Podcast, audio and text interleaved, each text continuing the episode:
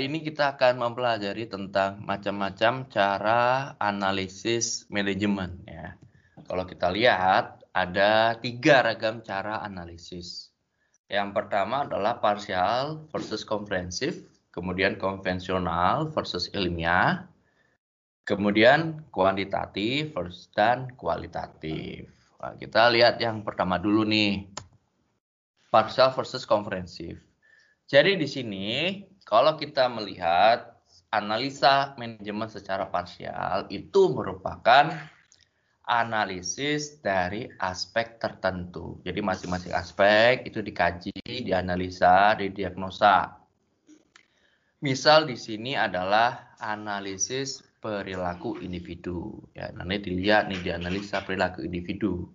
Dalam hal ini mungkin perilaku karyawan, perilaku pegawai atau perilaku manajer, ya kan. Kemudian juga bisa analisis perilaku di dalam kelompok. Ya. Jadi ini secara parsial, ya termasuk juga di sini misalkan produksi, ya kan. Jadi dianalisa produksinya, proses produksinya, atau mungkin pemasarannya, atau mungkin hal lainnya. Ya, Kemudian bedanya nanti analisis secara komprehensif ya. Kalau kita lihat definisi kata komprehensif ya yang berarti keseluruhan.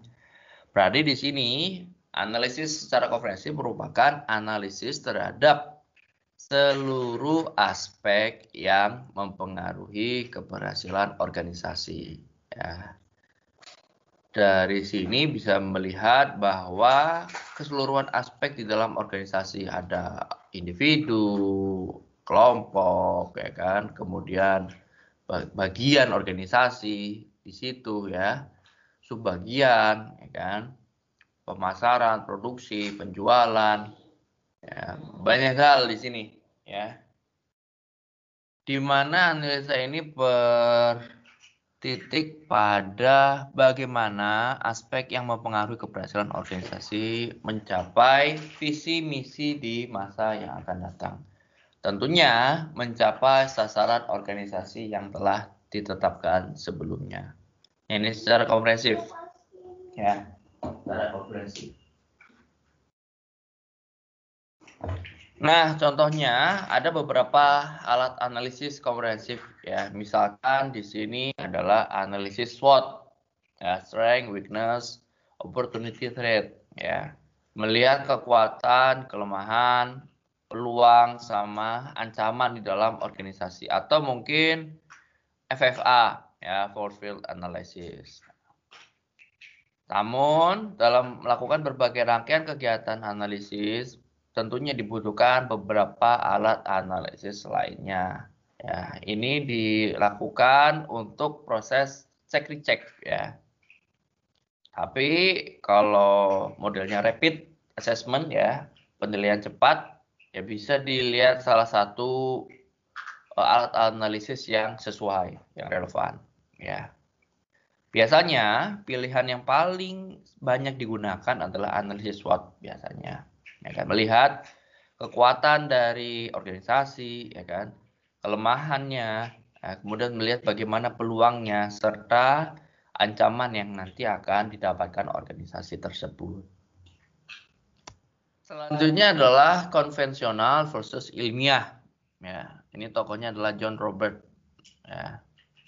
Di mana di sini kita bisa melihat bahwa pendekatan analisis manajemen konvensional atau tradisional adalah berdasarkan kebiasaan atau pengalaman masa lalu ya atau intuisi yang dilandasi naluri atau ilham. Ya, jadi ini modelnya kebiasaan ya.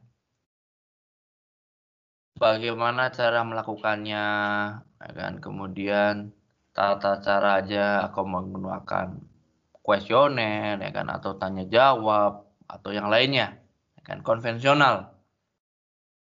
Lawannya adalah manajemen ilmiah ya. Ilmiah inilah yang yang kemarin kita bahas ya dalam diagnosis organisasi ya, mengandalkan fakta dan data ya kan. Makanya kemarin melihat bagaimana cara si analis ya melakukan observasi ya kan kemudian melakukan survei ya kan menggunakan kuesioner ya. Berdasarkan fakta dan data yang ada kemudian dianalisis secara statistik matematis dan prinsip-prinsip ekonomis. Ya, tentunya eh, hal ini melihat bagaimana grafik perjalanan dari proses bisnis yang ada di dalam organisasi. Ya, ilmiah Nah, lihat fakta, lihat kondisi. Ya. Ini bedanya nanti kalau uh, dilakukan dengan konvensional ya. Konvensional kan memprediksi naluri. Ah, ini penjualannya berkurang nih. Wah, paling karena daya beli masyarakat rendah. Paling besok pada mau pada saat mau Idul Fitri ya kan penjualan meningkat lagi. Biasanya kan seperti itu, tahun-tahun sebelumnya seperti itu. Nah, ini adalah konvensional ya kan berdasarkan pengalaman-pengalaman yang ada. Ya, beda nanti dengan ilmiah. Fakta, oh target marketnya seperti apa. Kemudian kemauan pasarnya seperti apa. ya.